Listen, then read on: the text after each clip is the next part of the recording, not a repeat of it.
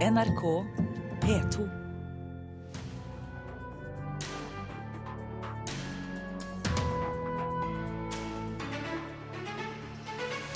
Musikalskolen Bårdar ødelegger arbeidsmarkedet for studentene sine, mener dansernes fagforening. Låner ut praksisstudenter gratis til teatrene. Norsk Filminstitutt tar grep for å få flere originalskrevne barnefilmer på kinolerretet.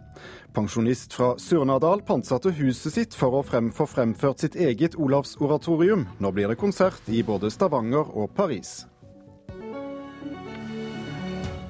Her er Kulturnytt i Nyhetsmorgen med Thomas Alverstein Ove. Kritikken mot at praksisstudenter blir brukt i profesjonelle musikaloppsetninger, fortsetter. I forrige uke kritiserte Norsk Skuespillerforbund Kilden i Kristiansand for å bruke praksiselever fra musikalskolen Bårdar som gratis arbeidskraft. Nå sier fagforeningen Norske dansekunstnere at Bårdar må ta ansvar for bransjen de utdanner studentene til, og ikke låne ut gratis arbeidskraft til teatrene, noe som tar jobber fra andre dansere og skuespillere. I morgen har Billy Elliot premiere på Folketeatret i Oslo. Av de 70 som står på scenen, er ti personer Bordar-studenter som har praksisplass. Vi ser at det er en økende trend at studenter brukes i profesjonelle oppsetninger. Det sier Peder Horgen, som er forbundsleder i Norske dansekunstnere, NODA. Dette er ikke første gang det å bruke praksiselever i oppsetninger får kritikk. Vi er lei av at dansestudenter utnyttes i profesjonelle forestillinger. Kilden i Kristiansand kan ikke bruke ubetalte Bårdar-elever i neste års Cats-oppsetning. Horgen mener nå at Bårdar må ta ansvar for egen bransje. Jeg vil nok si at uh, Bårdar over lang tid har vist en aggressiv framferd i å bruke studentene sine, pushe studentene sine ut i det som egentlig er arbeidsmarkedet. Og ta jobber som burde vært gjort av profesjonelle. Freddy Haugan, som er daglig leder ved Bårdar, har ikke mulighet til å uttale seg direkte til NRK. Men han skriver følgende i en e-post. Det er en utopi å tro at teatrene ville hatt samme antall i ensemblet hvis studenter og statister ikke fikk delta. Han mener at det å bruke studenter faktisk bidrar til flere arbeidsplasser, ikke færre. Jo flere dyktige studenter Bårdar og andre skoler uteksaminerer, desto større sjanse er det for at enda flere forestillinger settes opp, og at disse holder en slik kvalitet at mange nok folk betaler billett for å se den. Dette er med på å skape arbeidsplasser, ikke fjerne dem, som NODA ser ut til å tro. Men NODA får støtte av Kjetil Falkum.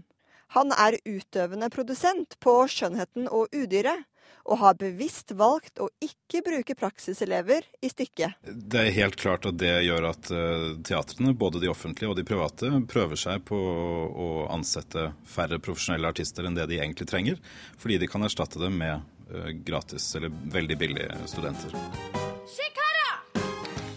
Vi ønsker jo å, å ta vare på, på studentene som kommer ut til neste år. Atle Halstensen er musikalsk ansvarlig i Sene Kvelder, som setter opp Billy Elliot.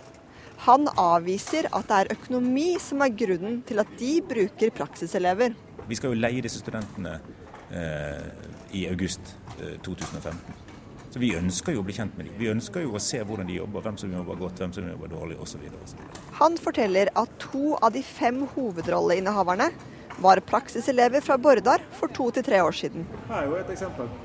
Jeg har sett en Bårdar-student som har fått fast jobb etter, etter å ha vært på, på Bårdar. Hvor var det vi traff henne første gang? Jesus Christ på det norske.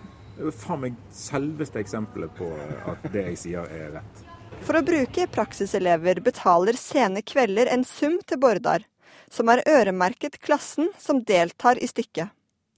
Horgan i NODA sier ordningen skurrer. Jeg synes ikke det lukter godt av at skolen tar penger fra elevene for å gå på skolen, låner det ut til som gratis arbeidskraft, og sitter selv igjen med penger også fra produsenten, mens elevene da ikke er, er ute og jobber. Det er ikke en praksis jeg syns noe, noe videre om. Dette reagerer Bårdar på, og Haugan skriver følgende i e-posten. Denne uttalelsen er i beste fall useriøs.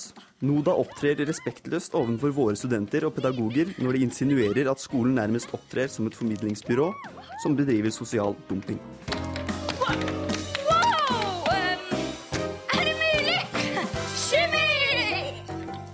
Reporter her, det var Heidi Røneid.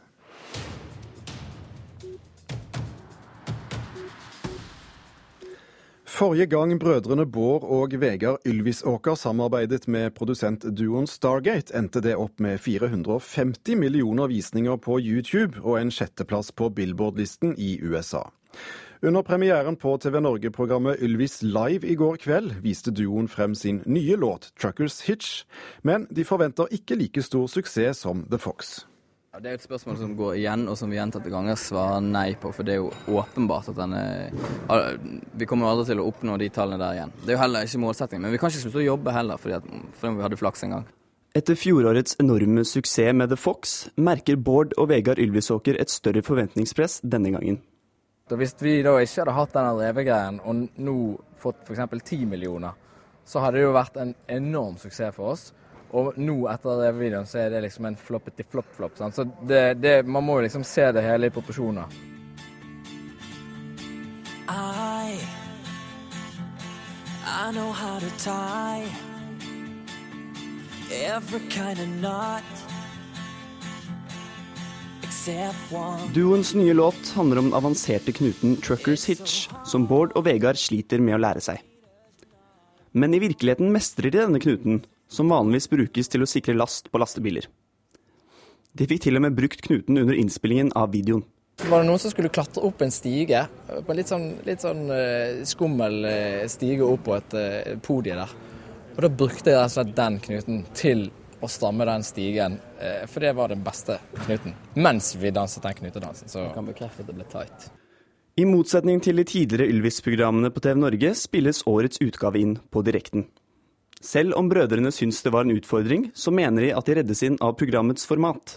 Så Det er en stor utfordring. Men vi kan på en måte ikke tøffe oss like mye som andre med å si at vi går live, for vi har jo et konsept som, som kler kluss og fjas og det. Sånn at i dag har jeg gjort masse feil, og når jeg da liksom plutselig sier hva er det jeg skal nå, så er det fordi jeg ikke aner hva jeg skal, og fordi jeg har mistet kuka. Klart, hadde jeg hatt en sånn livedekning av eh, Diana sin eh, begravelse eller et eller annet, så er det jo hakket vanskeligere å, å være på live. Så, så vi har et format som tåler det, da. Men, uh, det er ikke fordi vi er profesjonelle uh, vi kan gjøre det live. Etter gårsdagens premiere på Folketeatret fikk det nye programmet ros av publikum, som tror at Truckers Hitch kan bli en ny suksess for Ylvis. Jeg tror, jeg tror den kan slå an. Absolutt. Ikke så bra som kanskje The Fox, men absolutt. Jeg tror den kan bra. Reporter her, det var Jarl Nymo. Komponist, musikkritiker og pianist Magne Heggedal ble i går tildelt Arne Norheims komponistpris under Ultimafestivalen i Oslo. Juryen mener Heggedal er en av de viktigste komponister Norge har. Heggedal ble tidlig kjent for sin tilnærming til komposisjonsfaget ved hjelp av tilfeldigheter, nemlig terningkast. Arne Norheims komponistpris ble opprettet av Kulturdepartementet i 2001 i forbindelse med Norheims 70-årsdag. Prisen deles ut eh, annethvert år og er på 200 000 kroner. De ansatte i NTB protesterer kraftig mot at ledelsen vurderer å flytte telegrambyråets nattevakter til Sydney i Australia. Det skriver Dagens Næringsliv i dag. Fredag vil ledelsen i et styremøte legge frem forslag om flytting. Årsaken er ønsket om å spare penger. Klubbleder Nina Haabeth sier til avisen at de er prinsipiell motstander av flytting til den andre siden av jordkloden, og at journalistikken vil bli rammet. Hvis ikke jeg gjør noe med livet mitt, så er det sånn her det blir. Salmalaks hver fredag. Kanskje taco hvis jeg er heldig. Hadde ikke jeg en tanke i sted som jeg likte å tenke på? Jo, jeg skulle skille meg. Å, det hadde vært deilig å bare være helt alene. Hvorfor gjør man ikke det, egentlig? Det er jo så lett. Fredag har Ole Gjevers andre film 'Mot naturen' premiere på norske kinoer. Giæver har både regi og manus, og spiller selv hovedrollen Martin. På helgetur alene i fjellet er vi med inni Martins hode og får høre alle tankene hans helt utsensurert. Mot naturen er allerede vist på filmfestivalen i Toronto, der den fikk svært god mottagelse. Og i går ble det også kjent at eh, den er eh, første film ut som er tatt ut til Panorama-programmet på filmfestivalen i Berlin neste år. Ole Giæver, velkommen til Kulturnytt. Tusen takk. Det er den virkelige familien din som spiller familien i filmen, så hvor mye Ole er det egentlig i Martin? Nei, det er vel egentlig ikke mer Ole enn det ville vært hvis det var en annen skuespiller som hadde spilt i filmen. Nå er selvfølgelig jeg fysisk til stede i den, så på en måte er det noe annet enn det har vært før. Men eh, det har vært helt nødvendig å lage en sånn distanse til karakteren, nettopp fordi å kunne være mer sånn ærlig og kompromissløs på hva man tenker på. Da, da slipper jeg liksom å ha en sånn selvsensur på det og kan være mer fri i, i arbeidet med det. Fortellerstemmen i, i, filmen er rett og slett Martins usensurerte tanker. Hvorfor valgte du det grepet? Eh, den første måte, ideen til filmen kom mens jeg gjorde min forrige spillefilm, eh, som var med to karakterer på et fjell. Og mens vi skøyt den filmen, så tenkte jeg er det mulig å gjøre dette enda enklere? Kan man ha bare én karakter og et fjell? Eh, og så tenkte jeg hva må man da eventuelt ha mer for at det skal være en interessant film å se på? Og da kom denne tanken om at hvis vi får være med på innsida av hodet til denne karakteren, og bli tatt med på en sånn indre, indre reise på en måte i hans bevegelse gjennom dette landskapet, så kan det bli en både morsom og interessant film å jobbe med, og, forhåpentligvis for publikum å se på etterpå. På filmplakaten, som eh, mange kanskje allerede har sett, så løper du halvnaken over fjellet med bare jakke og ryggsekk på. På hvilken måte er dette bildet representativt for filmen? Ja, vi, vi, Det var jeg som tok ut sånn ti sånne stillbilder fra filmen og, og, ga på en måte til resten av produksjonen og sa dere kan velge et av disse bildene og ha som plakat. og Det var ikke noe tvil om hva den kom til å, å gå for. Men jeg syns plakaten representerer filmen på en veldig god måte, både fordi at det er en slags sånn ironi og humor i det, men samtidig et slags alvor. Man ser på en måte at karakteren er, er litt inne i sitt eget hode i det bildet. Og, så, så jeg syns egentlig det er en fin, en fin representasjon for filmen. ja. Hva er det du egentlig vil fortelle med filmen? Filmen handler jo på en måte mye om det å være fremmedgjort og ikke føle seg til stede i livet. og At man ikke strekker til fordi man er nær. Eh, og Denne karakteren søker seg ut i naturen for å på en måte komme nærmere sitt eget liv. Og, og først der på en måte føler han at han er, er nær sine og, og, og seg sjøl. Eh, så, eh, så tror jeg ikke nødvendigvis at løsninga for oss alle er å springe, springe naken ut i, i fjellheimen. Jeg tror vi må finne en balanse mellom det og være til stede. Kunne blitt folksomt, da? Hva? Kunne blitt folksomt på fjellet? ja, ja, nei, det, jeg tror vi må finne en balanse mellom det å være til stede i oss sjøl og i naturen, og også være til stede i det sosiale. Er dette på noen måte et bidrag eh, i debatten om den moderne mannsrollen? Nei, jeg har ikke hatt noen intensjon om det. Jeg har hatt en ambisjon om å lage en, en film som skal treffe mange flere, og som eh, ikke skal være noe sånn mannsfilm. Jeg håper den er like relevant for begge kjønn og, og for folk i, i, forskjellige aldre. Og de tilbakemeldingene jeg har fått så langt, har også vært eh, tyda på det, da, at vi har truffet. Den første filmen din, 'Fjellet', handler eh, for så vidt om fjellet. Denne filmen, 'Mot naturen', du, der er du også på fjellet. Hva er det med fjellet som fascinerer deg? Eh, det må ikke nødvendigvis være fjell, men jeg er veldig glad i naturen. Eh, jeg føler at vi mennesker vi blir mye mer sånn sårbare når vi er i, i, et sånt åpent landskap. Vi blir mer konfrontert med oss sjøl. Vi kan ikke rømme bort fra tankene våre. Nietzsche sier jo det at hvis du stirrer lenge nok inn i en avgrunn, så vil avgrunnen begynne å stirre tilbake på deg. Og litt den, der, den sånn redselen for det der åpne rommet i oss eh, tror jeg også at mange opplever naturen som. Men jeg tror det er veldig sunt for oss å gå ut dit og, og kjenne på, på den eh, tilstedeværelsen, og at vi kan, eh, vi kan bunne med oss sjøl i naturen. Ole Giæver, tusen takk for at du kom til eh, Kulturnytt. Filmen 'Mot naturen' har altså premiere på norske kinoer på fredag. Kraftig eh, Du hører på Kulturnytt i eh, Nyhetsmorgen. Klokken den har blitt 16 minutter over åtte, og dette er eh, overskriftene i nyhetsbildet nå. Kraftig økning i antall eldre om noen år. Politikerne bør bygge ut eldreomsorgen nå, anbefaler Folkehelseinstituttet. Menneskehandel, tvangsarbeid og organisert skattejuks skal bekjempes. Statsministeren inviterer til toppmøte mellom partene i arbeidslivet i dag. Statoil svikter de unge, det hevder Fellesforbundet etter at oljebransjen så langt i år har varslet kutt på flere tusen ansatte som følge av Statoils innsparinger. Altfor få norske spillefilmer for barn er fortellinger fra vår egen tid. Det mener lederen for Barnefilmfestivalen i Kristiansand, som åpnet i går. Norsk Filminstitutt ser problemet, og har nå satt i gang et manusverksted som skal inspirere til dristigere filmer relevante for dagens barn. Politikk. Forfatter Endre Lund Eriksen avslører hva barnefilmmanuset han jobber med, handler om. Og det handler om eh, Eh, en eh, gutt som bor i en familie eh, der mamma og pappa er veldig radikale, og han sjøl surfer på høyrebølgen. Føler seg mer som en høyregutt. eh, og i hemmelighet drømmer om Segway til jul.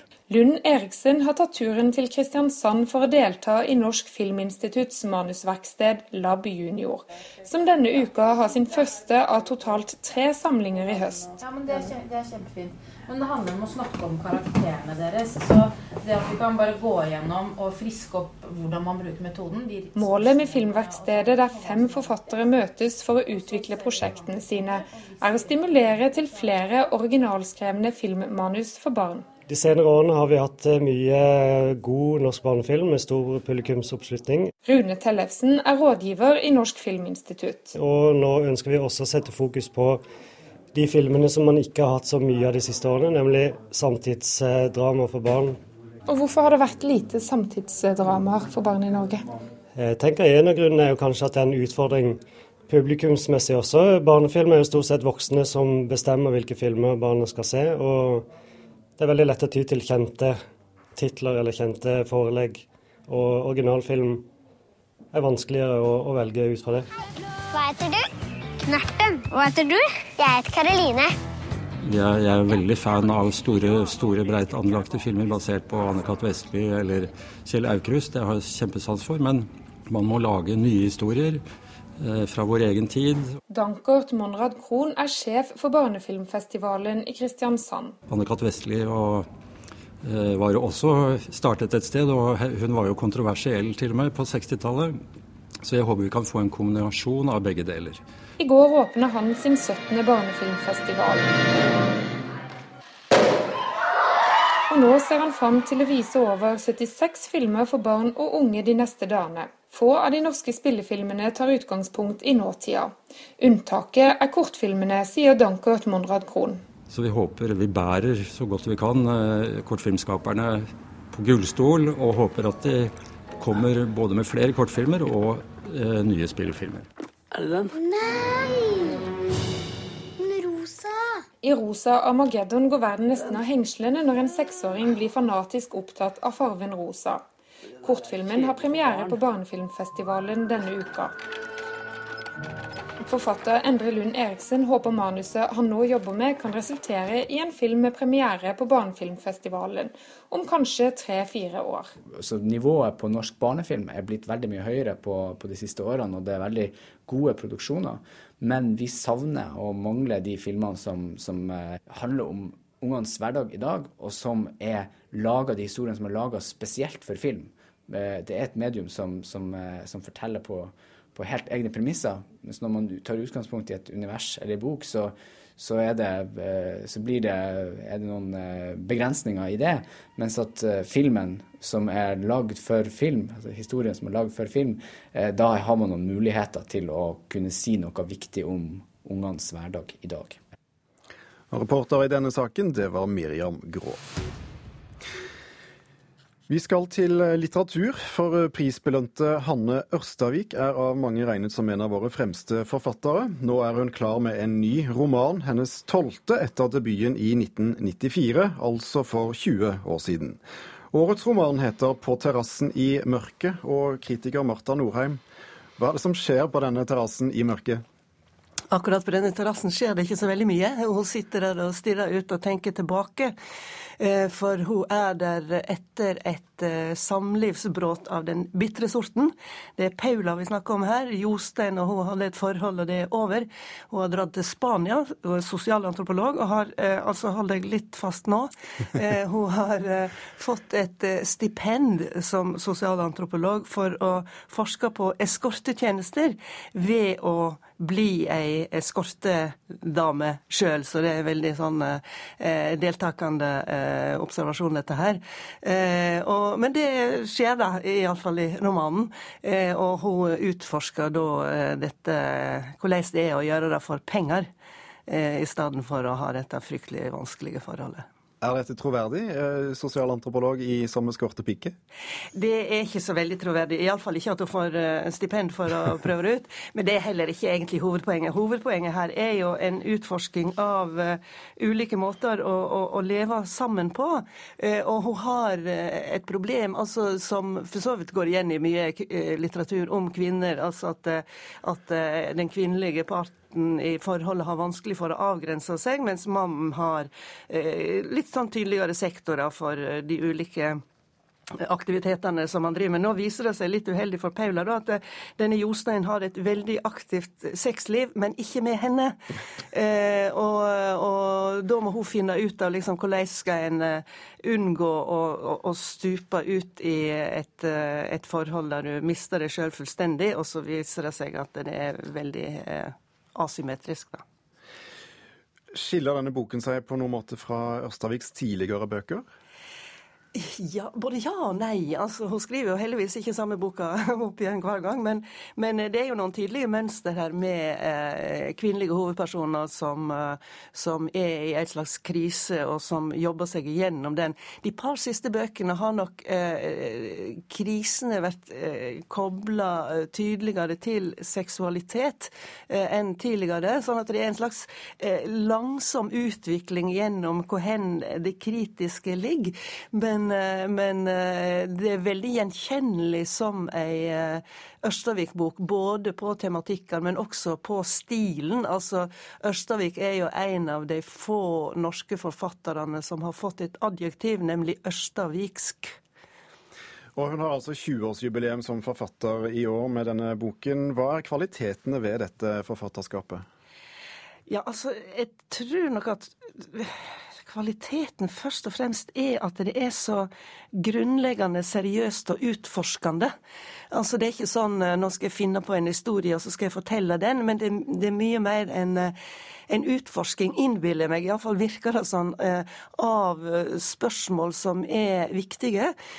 Og det får prosaen hennes til å bli veldig intens og veldig medrivende, selv om eh, kanskje verken du eller uh, jeg eller hun har akkurat de problemene som det handler om, så virker det engasjerende. Marta Norheim, takk skal du ha om boken 'På terrassen i mørket' av Hanne Ørstavik. Pensjonert lektor eh, Dordig Lærum Skuggevik fra Surnadal på Nordmøre har pantsatt huset for å få gjennomført en drøm hun har hatt i 30 år, og få oppført et oratorium om Olav den helliges dåp. Og i kveld skjer det, i Stavanger konserthus. Olavsoratoriet avslutter Norsk orgelfestival, 1000 år etter dåpen i Roa i Frankrike, som forandret norsk historie.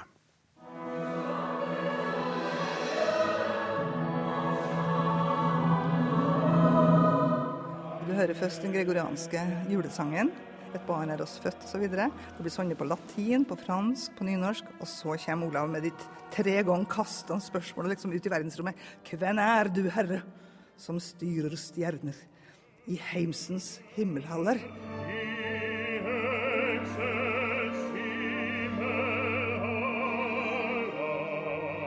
Olav den helliges tanker, slik Dordi Glærum Skuggevik ser det for seg. 69-åringen fra Surnadal på Nordmøre har skrevet librettoen til dette Olavsoratoriet. For i høst er det 1000 år siden Olav den hellige og hans menn ble døpt i Rouen i Frankrike. Det handler rett og slett om den eksistensielle krisen til en ung mann som har vært med på forferdelige ting. Og så kommer han til Rouen, og han frontkolliderer med jula.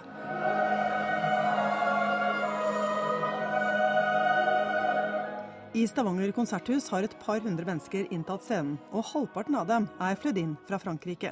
Her er fem solister, fire kor, operaorkester fra Rouen og organist fra Sacré-Cœur i Paris.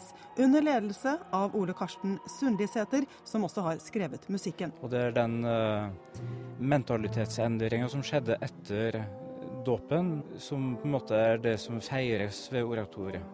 Uh, altså bort fra barnedrap og Eh, skjebnetro og alt sånt. Det er på en måte en eh, feiring av det som ble det nye. Glærum Skuggevik er lektor i fransk teater og litteratur. 69-åringen er katolikk og slått til fransk ridder for sin innsats for gregoriansk sang. Olavsoratoriet er så viktig for henne at hun faktisk har pantsatt huset for å få det til. Jeg tror jeg kommer til å måtte selge min alderdomstrøst min lille leilighet der nede på det norske helsesenteret på Gran Canaria. Men er det verdt det da, syns du? Ja, det er verdt det. Altså, Jeg har holdt på med det her i 30-40 år. Jeg samla alle trådene. For faktisk så ble det moderne Norge født i Rouen. Det er der vi kommer fra, rett og slett. Ja, og dette nye Olavsoratoriet det skal også fremføres i Paris og Rouen i oktober. Reporter i Stavanger, det var Anette Johansen Espeland. Vi tar med at eh, Gulating lagmannsrett har avvist to ankesaker i forbindelse med Stavanger kunstforenings salg av skulpturen Figure for Landscape. En gruppe medlemmer i foreningen gikk til sak for å hindre salget, men Stavanger tingrett mente tvisten hørte inn under Kunstforeningens selvbestemmelse. Saksøkerne anket, men lagmannsretten avviser altså nå eh, anken. Påtalemyndigheten vil eh, spille av VGs TV-intervju som bevis i rettssaken mot islamisten Ubaydullah Hussain. I intervjuet sier Hussain at han ønsker å endre det norske samfunnet etter modell fra den islamske staten IS i Syria og Irak. Hussain står tiltalt for eh, flere tilfeller av oppfordring til drap og terrorhandlinger, men nekter straffskyld. Ikke straffbare ytringer skal møtes med motytringer og ikke straff i et demokrati, sier Hussains eh, forsvarer Jon Christian Elden. Og med det runder Kulturnytt av. I dag har vi fortalt at Dansernes fagforening mener musikalskolen Bårdar ødelegger arbeidsmarkedet for studentene sine når de låner ut praksisstudenter gratis til teatrene. Og du har også hørt at Norsk Filminstitutt nå tar grep for å få flere originalskrevne barnefilmer til kinolerretet. Og Kulturnytt det fikk du levert av Hanne Lunås, Birger Kolsrud Jåsund, og her i studio satt Thomas Alverstein Ove.